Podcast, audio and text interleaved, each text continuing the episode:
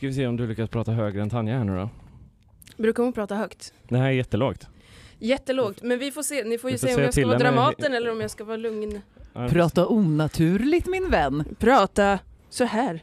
Hur, Jag, hur känns det att vara politiker? det känns eh, bra ändå. Ehm, men jag känner mig också vilt oförberedd. Men det gör jag alltid.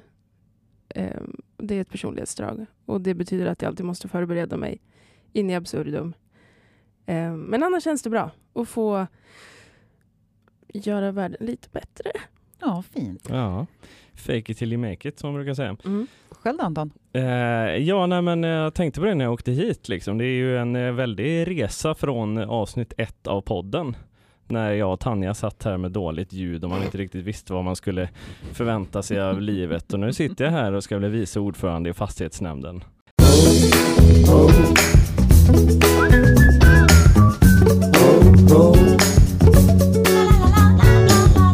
Hur tänkte ni där? Ulf Kristersson han visade att han inte vet vad begreppet vi är i mål betyder när han sa just detta och samtidigt bad om mer tid för att presentera sin regering.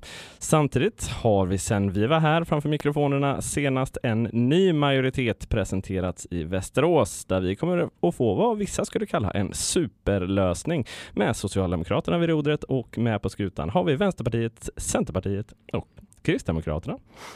Så, without further ado, hur tänkte ni där? Det är frågan vi ställer oss här i studion på Växthuset i Västerås. Och i studion för att ställa och svara på den frågan sitter Maria Kesselring, nyligen nominerad till att bli ordförande i en helt ny nämnd. Berätta! Jag har blivit nominerad av Socialdemokraterna i Västerås till att bli ordförande i den nya arbetsmarknadsnämnden i Västerås. Och det är superpeppigt och jättenervöst. Ja, och eftersom att den, det är en helt ny nämnd så eh, tänkte vi att vi plockar in en till från den.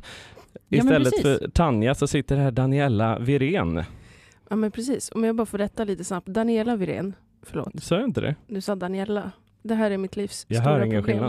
skillnad. Det är ett eller två L. Är det Eh, Daniela? Daniela! Nej, jag. Daniela. Men låtsas att du är italienare så funkar det bra. Daniela Virena. Ja, precis. Eh, nej men det stämmer. Jag är nominerad till ersättare eh, för Vänsterpartiet i arbetsmarknadsnämnden. Fett! Mm. Mhm. Vem av er är mest eh, exalterad över det här? Över att, över att eh, Daniela är eh, nominerad till ersättare. Över att du är ordförande, över att Daniela är Jag är ersättare, ju att nämnden existerar. Allt. Jag är ju, blev väldigt glad när jag hörde att, eh, när jag lyssnade lite här, när Maria satt i ett möte när jag kom in och skulle rigga studion, att hon är ordförande då, eller ska vara ordförande i arbetsmarknadsnämnden. Så då blev jag otroligt glad och kände mig trygg. Känner Ja. du dig trygg, Maria? Om jag känner mig trygg? Mm. Uh. Nej, men jag tänker så här att det är en ny nämnd. Det, är, det kommer att vara lite så här, learning by doing i, i början, för det är olika förvaltningar som ska samarbeta och det är en ny majoritetskonstellation och det är väldigt mycket. Så jag känner mig väl inte 100% trygg så, men däremot så känner jag mig säker i att vi kommer att kunna göra ett bra jobb framöver. Kul! Eh, jag heter Anton Tysklind. Det är den 13 oktober. Vi är taggade och äntligen har det börjat ramla in lite lyssnarfrågor. Hur tänkte ni där? Om vi börjar med den nya majoriteten i Västerås. För i måndags, den 10 oktober, så var det ett så kallat representantskap där Socialdemokraterna klubbade igenom vilka som ska sitta i de nämnder och styrelser där vi har fått plats och det var eh, tyvärr lite odramatiskt. Eller ja, eh, bra säger den delen av mig som är ett pragmatisk vuxen och vill staden och partiets bästa. Tyvärr säger den delen av mig som sträckkollar en hel säsong av Paradise Hotel för att jag helt enkelt tycker att det är underhållande att se människor skrika på varandra. Men enade vi stå, enade ska vi falla eller något sånt. Vad är känslan här nu inför fyra nya år, Daniela? Daniela?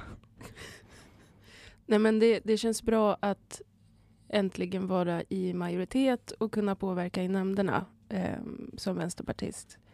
Det känns väldigt bra. Eh, och nej, men jag, känner mig, jag känner mig exalterad ursäkta, över det. Eh, jag, jag känner mig positiv, men det kommer innebära mycket arbete. Ja, men jag delar väl väl, ska jag inte säga, jag delar den uppfattningen. Jag tycker att det är superkul att Vänsterpartiet är tillbaka i majoriteten. Jag tycker att det ska bli jätteroligt att samarbeta med Vänsterpartiet. För att det är det partiet som, som pers personligt plan liksom ligger mig väldigt nära rent ideologiskt. Alltså jag är socialdemokrat, men jag tycker att det är väldigt tråkigt att vi inte har samarbetat med Vänsterpartiet under en lång period. Sen tycker jag att det är roligt att Kristdemokraterna är tillbaka, för där har vi haft ett gott samarbete förut. Och med Centern så har det ju fungerat bra. Och jag tycker att det är ett väldigt fint Alltså det är en fin majoritet som visar på liksom att man kan vara pragmatisk och hitta sätt att komma fram med sin politik också. Eh, därmed inte sagt att vi är lika som partier, för det är vi absolut inte.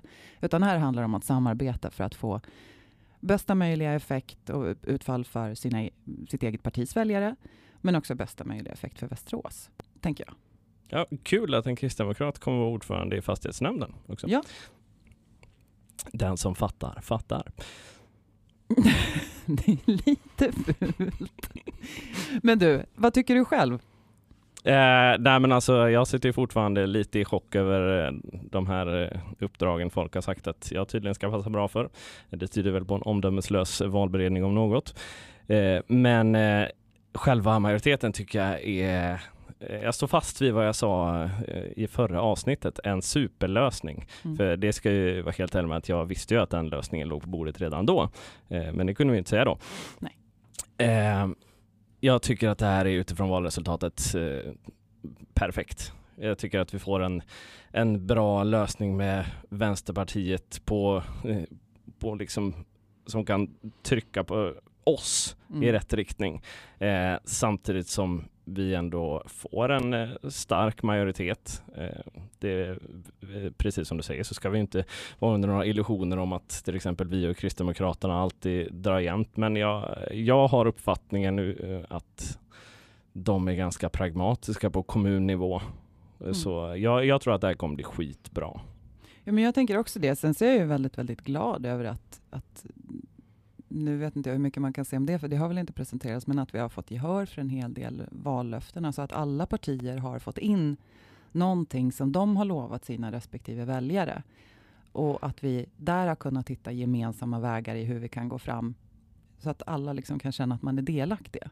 Och det tror jag är väldigt, väldigt viktigt och väldigt, väldigt bra. Och mm. jag tänker att västeråsaren vill ju hellre ha ett styre som faktiskt styr och driver staden framåt, än att man eh, är väldigt eh, vad ska man säga, principfast alla gånger och, och är liksom hårdnackad och vägrar kompromissa. Jag tänker överlag, svensken är ju liksom väldigt mån om kompromisser och att man styr framåt.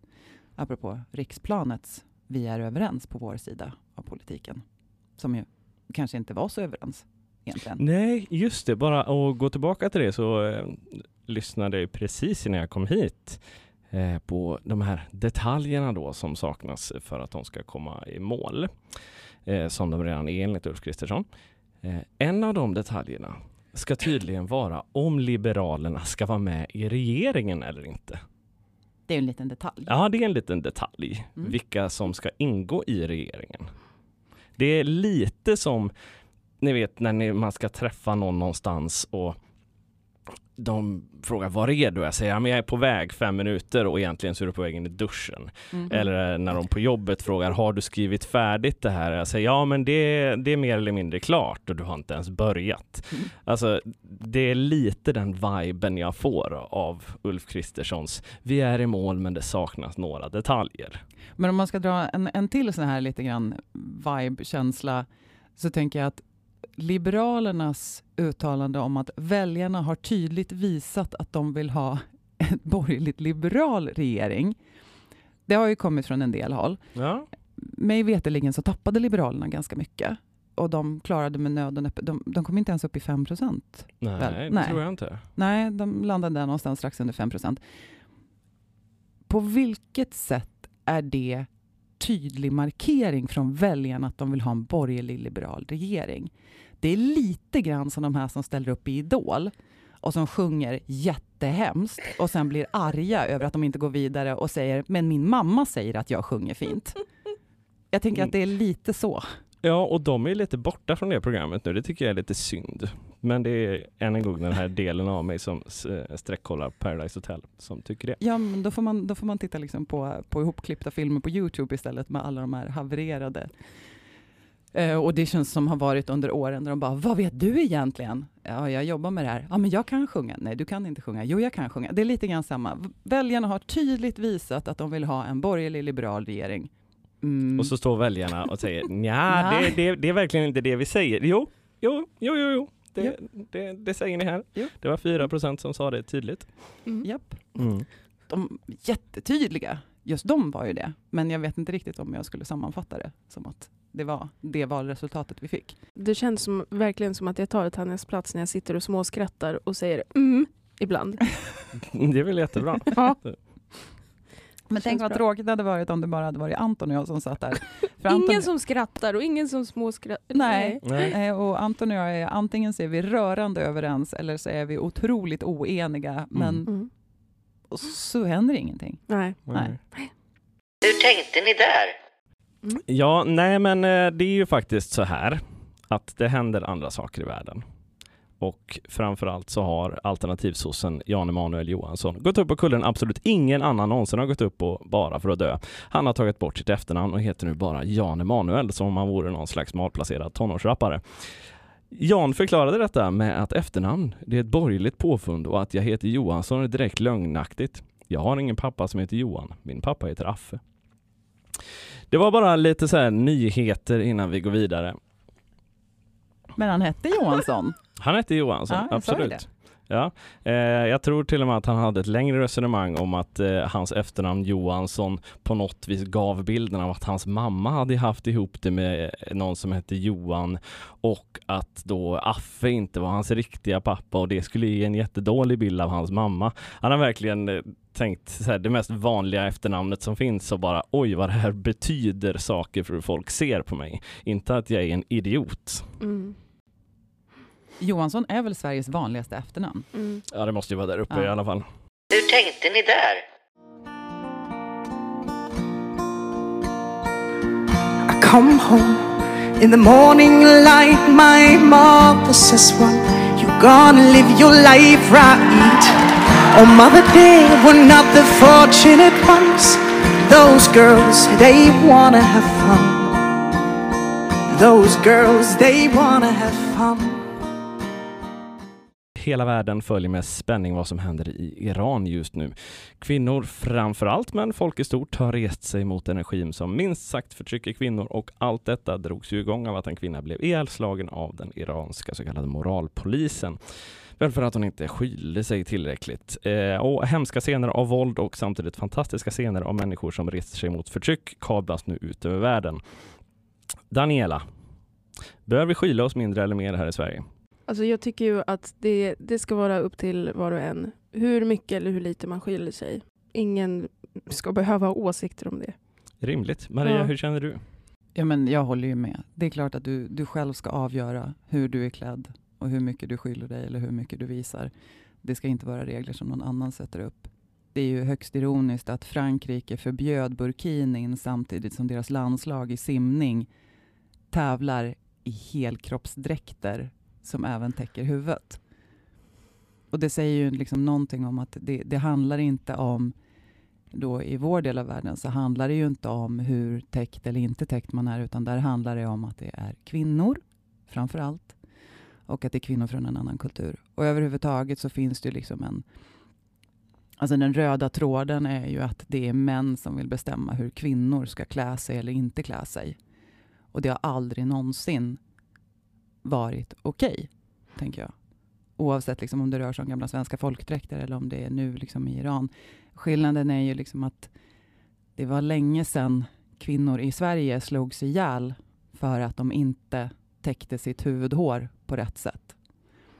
Eh, Jag vet inte ens om, om någon har blivit ihjälslagen. Däremot så vet jag att man, man kunde bli straffad för att man inte ansågs se moraliskt korrekt ut. Men, men det som att det idag, 2022, är ett sådant förtryck är ju förkastligt. Det är egentligen det enda ordet. Det är förkastligt. Mm. Och det är starkt att se och starkt att liksom se alla som backar upp och samtidigt veta att vi kan göra det ganska tryggt här. Vi kan liksom ställa oss bakom och liksom lägga upp bilder eller del eller vad som helst. Det är fortfarande ganska tryggt för det är ingen som kommer att ge sig på oss för att vi gör det.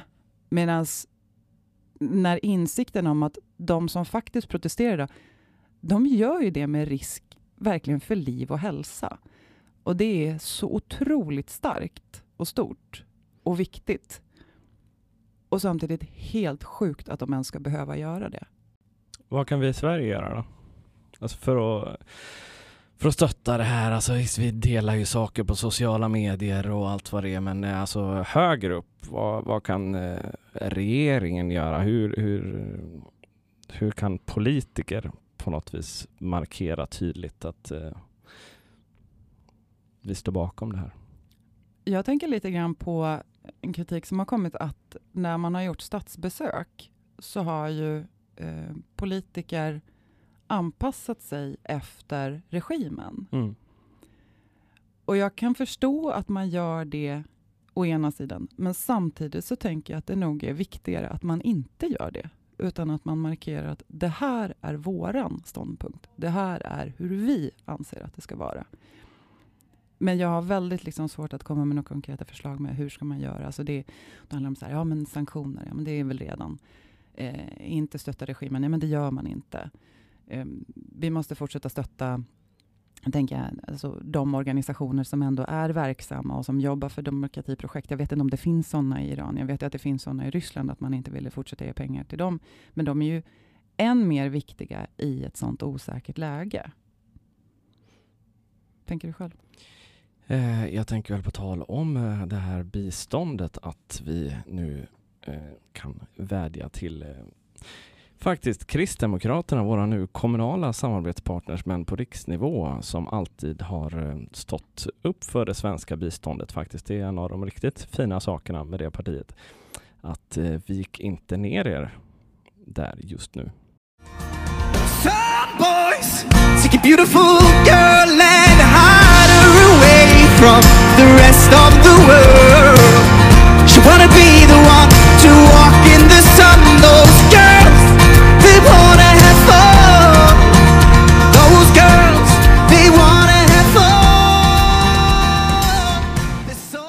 Meanwhile in Sverige då? Eh, das eh, Sverigedemokraten vill ta bort diskrimineringslagen. Och hur fantastiskt är inte det att vi lever i en värld där människor blir dödade och måste ta till en blodig revolution för basala mänskliga rättigheter samtidigt som det i andra delar av världen sitter bittra syntpoppare med 40-talsfrisyrer och lobbar för att de tycker att vi helt enkelt har lite för mycket av de där mänskliga rättigheterna.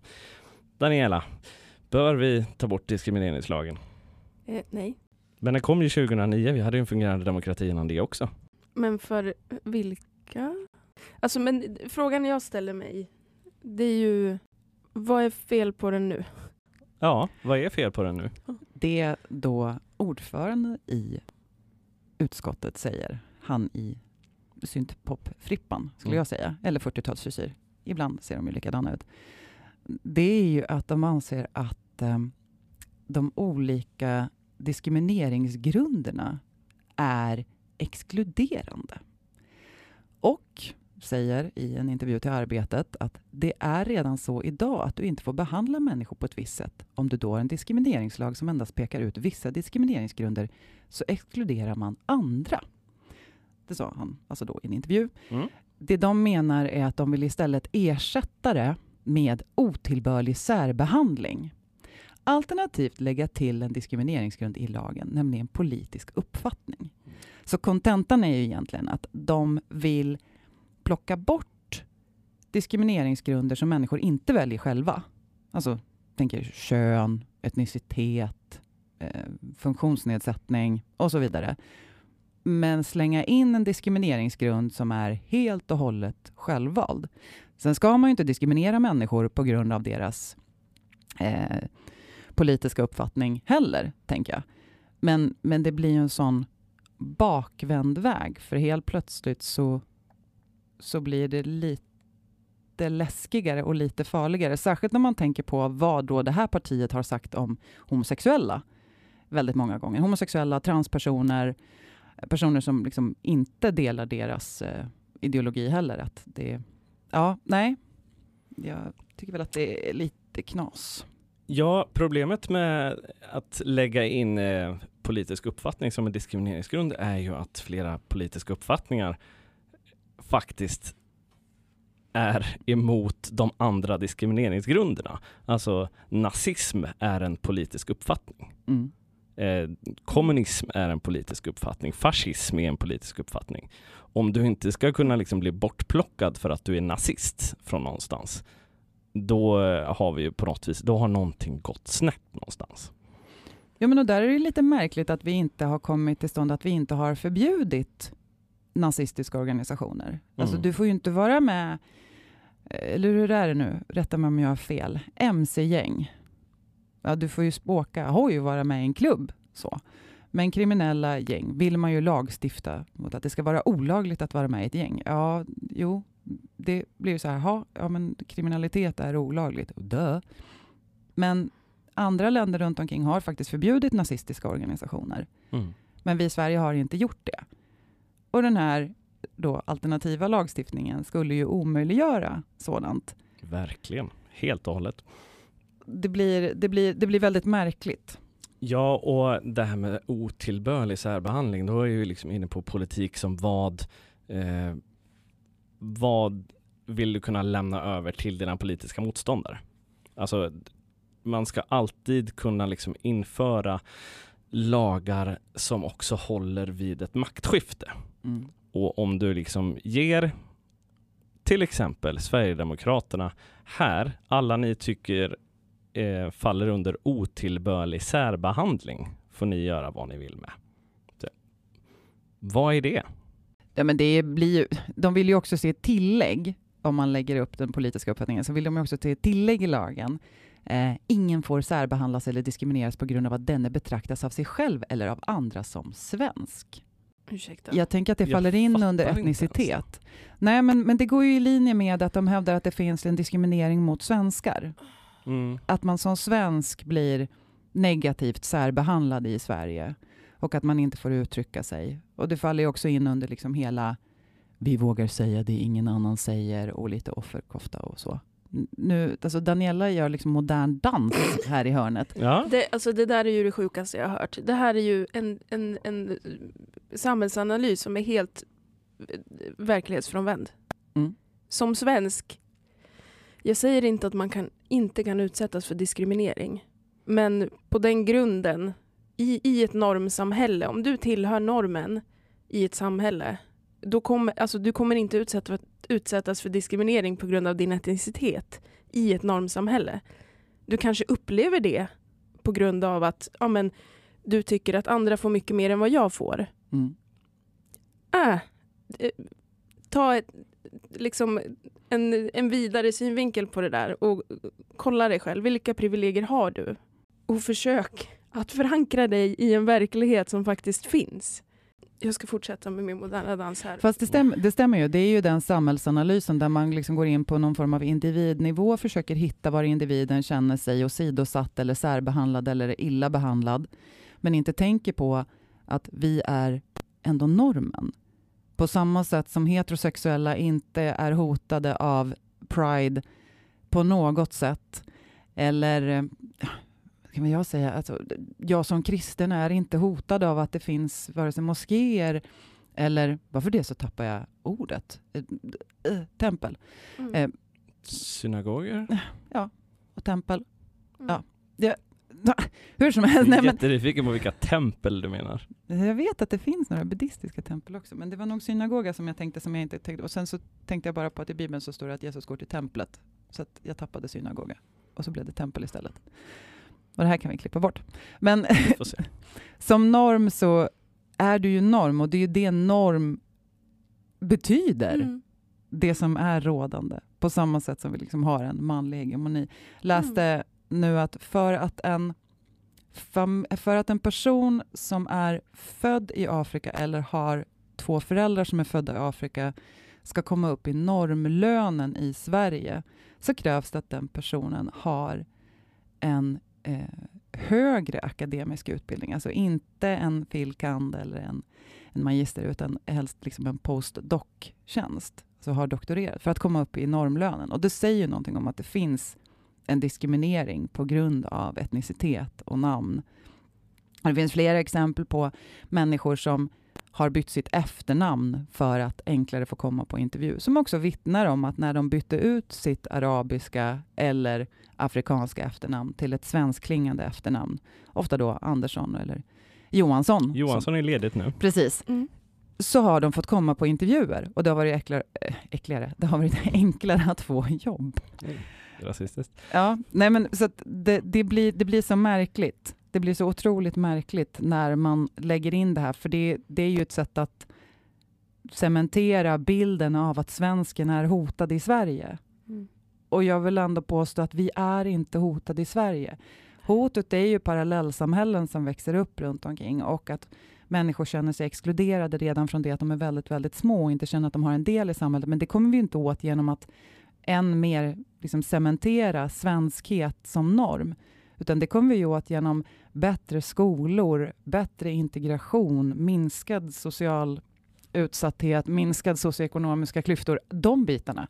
Men inte genom att påstå att vi är hotade. Så du skulle alltså säga att det rådet Mustafa Panshiri ger i sin bok Sju råd till Mustafa, att man ska byta, lägga till ett, eh, ett svenskare namn, det är inte rätt väg att gå. Tyvärr så är det ju idag rätt väg att gå. För att vi har de normerna som vi har. Om man inte vill vänta på att samhället förändras. Precis. Så, ja. Hur tänkte ni där? Hörni, Mm. vi har ju fått lite lyssnarfrågor. Är inte det kul?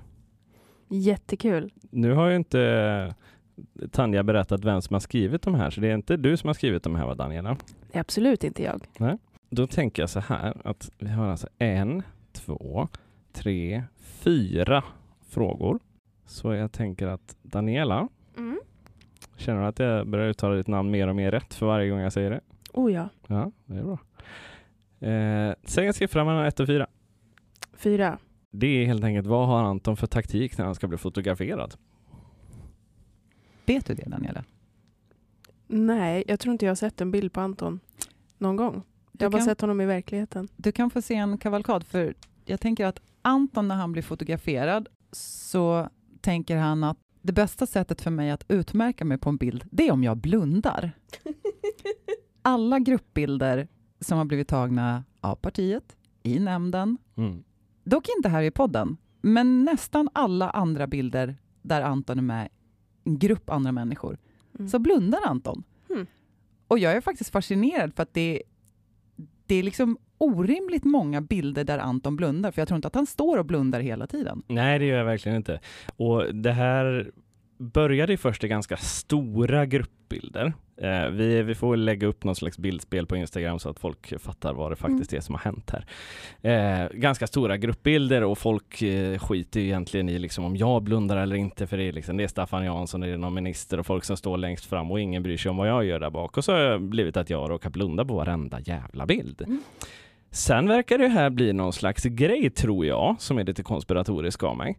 Eh, att folk eh, liksom plockade upp det här och väljer nu att Mm. lägga ut bilden jag blundar när de eh, har tagit några stycken.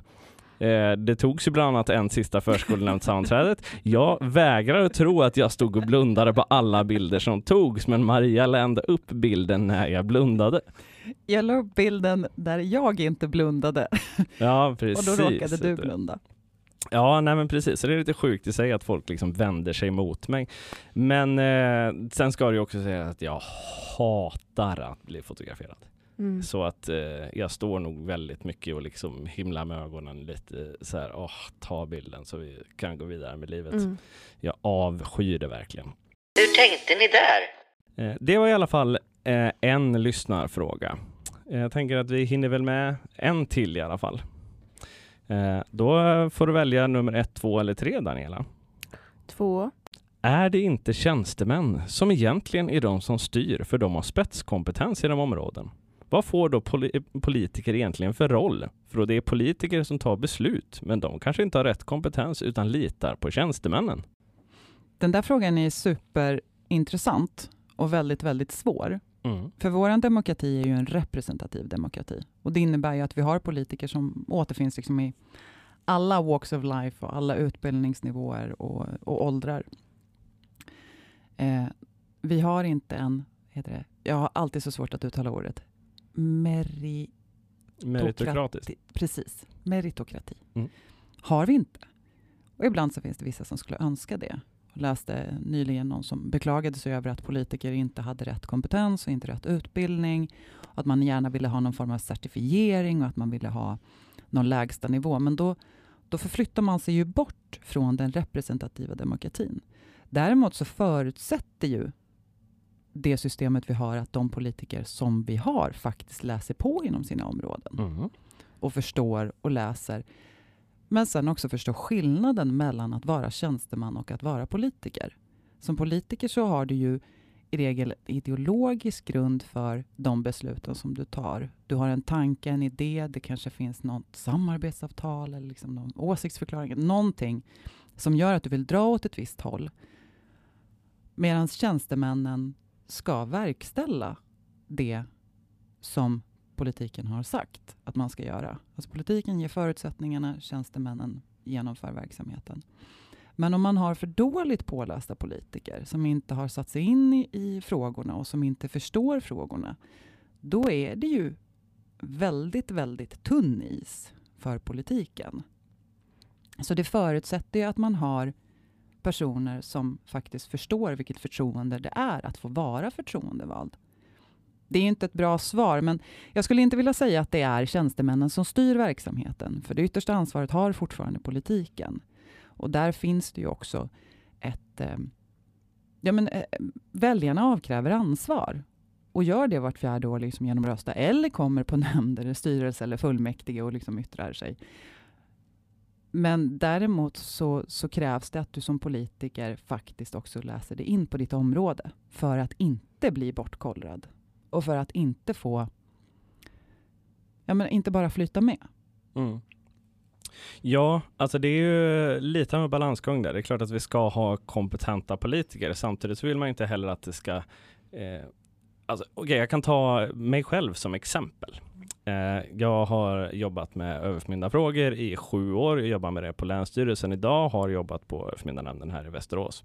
Skulle jag gå in och säga att jag ska vara ordförande eller bara vara med i överförmyndarnämnden, ja, då skulle jag såklart ha väldigt bra koll på området. Men jag skulle, det skulle ju inte vara som politiker, utan att jag skulle ju ha sakkunskapen på området. Och då sitter jag ju där snarare i kapacitet som en kompetent tjänsteman än som en socialdemokratisk politiker.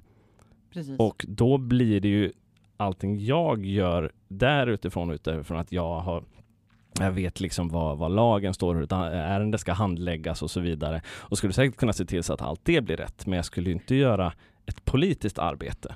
Utan för den kompetensen ska ju finnas hos tjänstemännen att bereda besluten så att det har blivit rätt. Att eh, handläggningen har gått till på rätt sätt. Det är ju inte till för att politikern i nämnden ska behöva liksom säkerhetskolla det. Nej.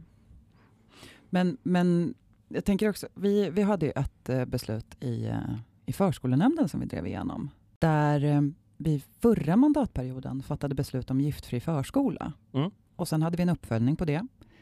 Och i uppföljningen så visade det sig att några av förskolorna har inte ens en gång satt igång med att fasa ut de material som vi vet är giftiga och hormonstörande i förskolan.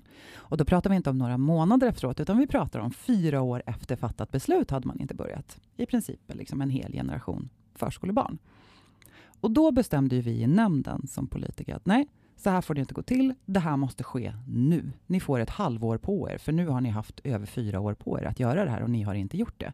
Några hade kommit långt, några hade inte satt igång och vi tyckte att det var liksom helt fel. Nu blev det inte alls egentligen inom samma linje, men, men just att som politiker så kan du komma med inspel och som politiker kan du ändra i förslagen. Och det händer titt som tätt att förslag läggs fram från tjänstemannasidan som i sig är korrekta och bra, men där politiken ändrar i dem för att bättre få eh, styrning enligt den politiska agenda som man har. Ja, men det, ju, det spelar ju också såklart roll vad det är för nämnd.